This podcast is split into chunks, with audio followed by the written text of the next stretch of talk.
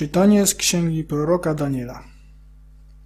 Król Nabuchodonozor powiedział: Czy to jest prawdą, Szadraku, Myszaku i Abetnego, że nie czcicie mojego Boga, ani nie oddajecie pokłonu złotemu posągowi, który wzniosłem? Czy teraz jesteście gotowi, w chwili gdy usłyszycie dźwięk rogu, fletu, lutni, harfy, psalterium, dud i wszelkiego rodzaju instrumentów muzycznych, upaść na twarz i oddać pokłon posągowi, który uczyniłem? Jeśli nie oddacie pokłonu, zostaniecie natychmiast wrzuceni do rozpalonego pieca. Który zaś Bóg mógłby was wyrwać z moich rąk? Szadrak, Meszak i Abednego odpowiedzieli zwracając się do króla Nabuchodonozora.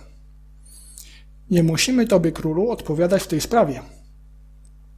Jeżeli nasz Bóg, któremu służymy, zechce nas wybawić z rozpalonego pieca, może nas wyratować z Twej ręki, królu. Jeśli zaś nie, wiedz, królu, że nie będziemy czcić Twego Boga, ani oddawać pokłonu złotemu posągowi, który wzniosłeś. Na to wpadł Nabuchodonozor w gniew, a wyraz jego twarzy zmienił się w stosunku do Szadraka, Meszaka i Abetnega. Wydał rozkaz, by rozpalono piec siedem razy bardziej niż było trzeba.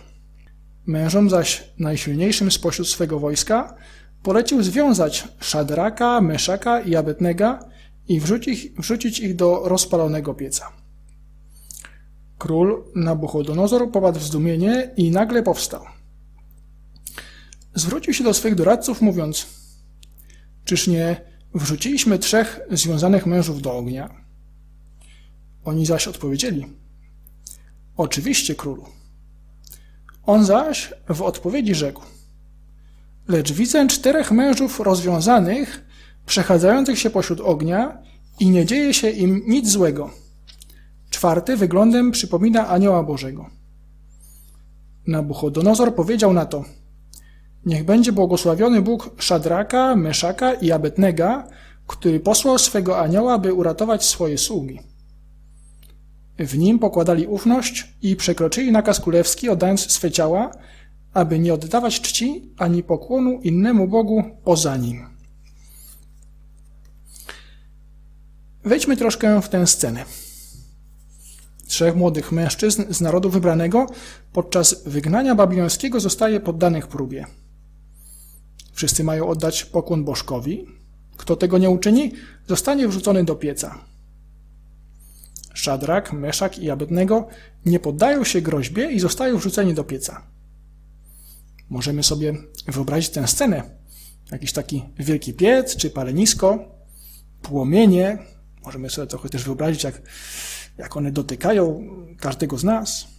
Płomienie, które są bardzo bolesne, które szczypią, które normalnie powinny prowadzić do śmierci. Ale tak się nie dzieje. Oni spokojnie przechadzają się w tym palenisku. Ale nie tylko to. Oni wychwalają Boga. Czytanie nie przytacza słów tego śpiewu, ale może dobrze znamy tę pieśń. Błogosławcie Pana wszystkie dzieła Pańskie, chwalcie Go i wywyższajcie na wieki. Błogosławcie Pana aniołowie Pańscy, błogosławcie Pana niebiosa. Ci młodzieńcy, mimo że są w piecu, nie narzekają, nie denerwują się, ale błogosławią Pana. To znaczy, że nie cierpią? Do końca nie wiemy, ale pokazują nam, że nawet w trudnościach można chwalić Boga, dziękować Mu. Błogosławcie Pana deszcze i rosy. Błogosławcie Pana wszystkie wichry niebieskie. I kiedy oni śpiewają tę piękną pieśń, tam cały czas są te płomienie, które, które bolą, które parzą. I oni śpiewają. To czytanie jest bardzo aktualne. W tych dniach są pewne ograniczenia, przeciwności, może nadejdą jeszcze większe. Ale czy to oznacza, że mam narzekać? A może właśnie sekretem, aby dobrze przejść ten czas, to zacząć dziękować. Nie przejmować się tymi płomieniami, tym piecem, który dla nas ma formę epidemii i związanych z nią ograniczeń, tylko dziękować. Może jest tak, że to dziękczynienie, uwielbienie Boga jest tym, co powoduje, że te płomienie nie pieką. Jest taki punkt z drogi, który jest paradoksalny. Mówi o dziękczynieniu. Naucz się często w ciągu dnia wznosić serce do Boga w dziękczynieniu. Za to, że daje ci to lub tamto. Za to, że pogardzono tobą. Za to, że nie masz tego, co potrzebujesz, lub za to, że to właśnie masz. Za to, że tak piękno uczynił swoją matkę, która jest zawsze twoją matką. Za to, że stworzył słońce i księżyc, i tamto zwierzę, i tę roślinę. Za to, że kogoś obdarzył wymową, a ciebie uczynił takim mrukiem. Dziękuję mu za wszystko, bo wszystko jest dobre. Dziękować za rzeczy dobre i za te pozornie złe. Jesteśmy kochani, istniejemy, żyjemy, dlatego że ktoś o nas pomyślał, że ktoś nas kocha. Umarł za nas na krzyżu, bo nas kocha. Dopuszcza różne trudności, ale spokojnie. Jest coś więcej niż koronawirus, niż to, że nie mogę wychodzić z domu, niż to, że mąż czy żona ma zły humor. Jesteśmy kochani i dlatego zawsze możemy dziękować. Kiedy dziękujemy, dalej pozostajemy w tym ogniu pośród różnego rodzaju trudności, ale nie spalamy się, bo ufamy w Bogu, trwając w dziękczynieniu. I potem to, co jest ciekawe w tej scenie, to to, że tych młodzieńców jest trzech.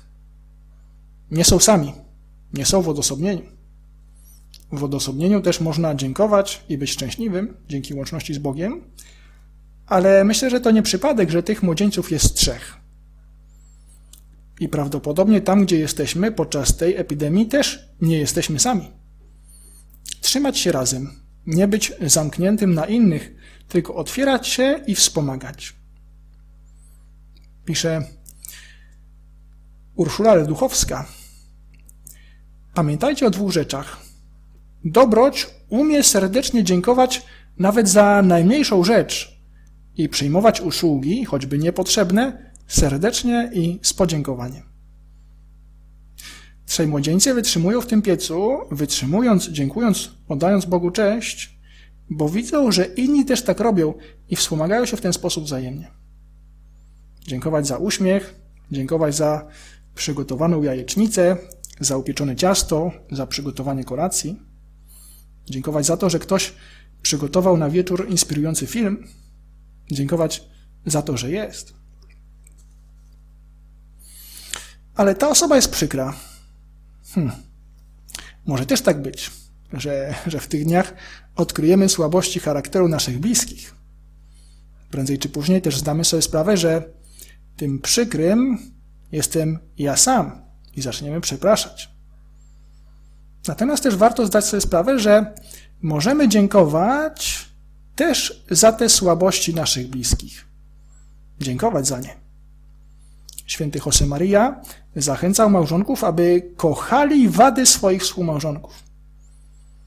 Warto się nad tym zastanowić i myślę, że dziękczynienie ma wiele wspólnego z tym kochaniem wad współmałżonka. Zamiast się denerwować, możemy podziękować, że mamy niedoskonałego męża, niedoskonałą żonę.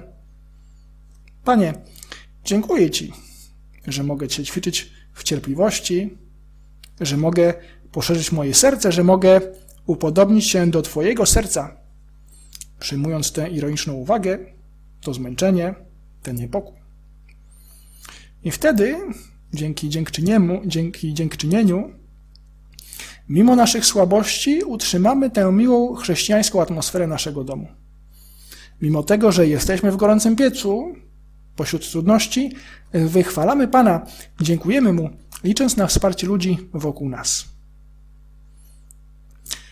Prośmy Maryję, Najświętszą Maryję Pannę, abyśmy umieli dziękować Panu Bogu zawsze, kiedy jest dobrze i kiedy jest źle. Wtedy zawsze będzie dobrze. Omnia in bonum.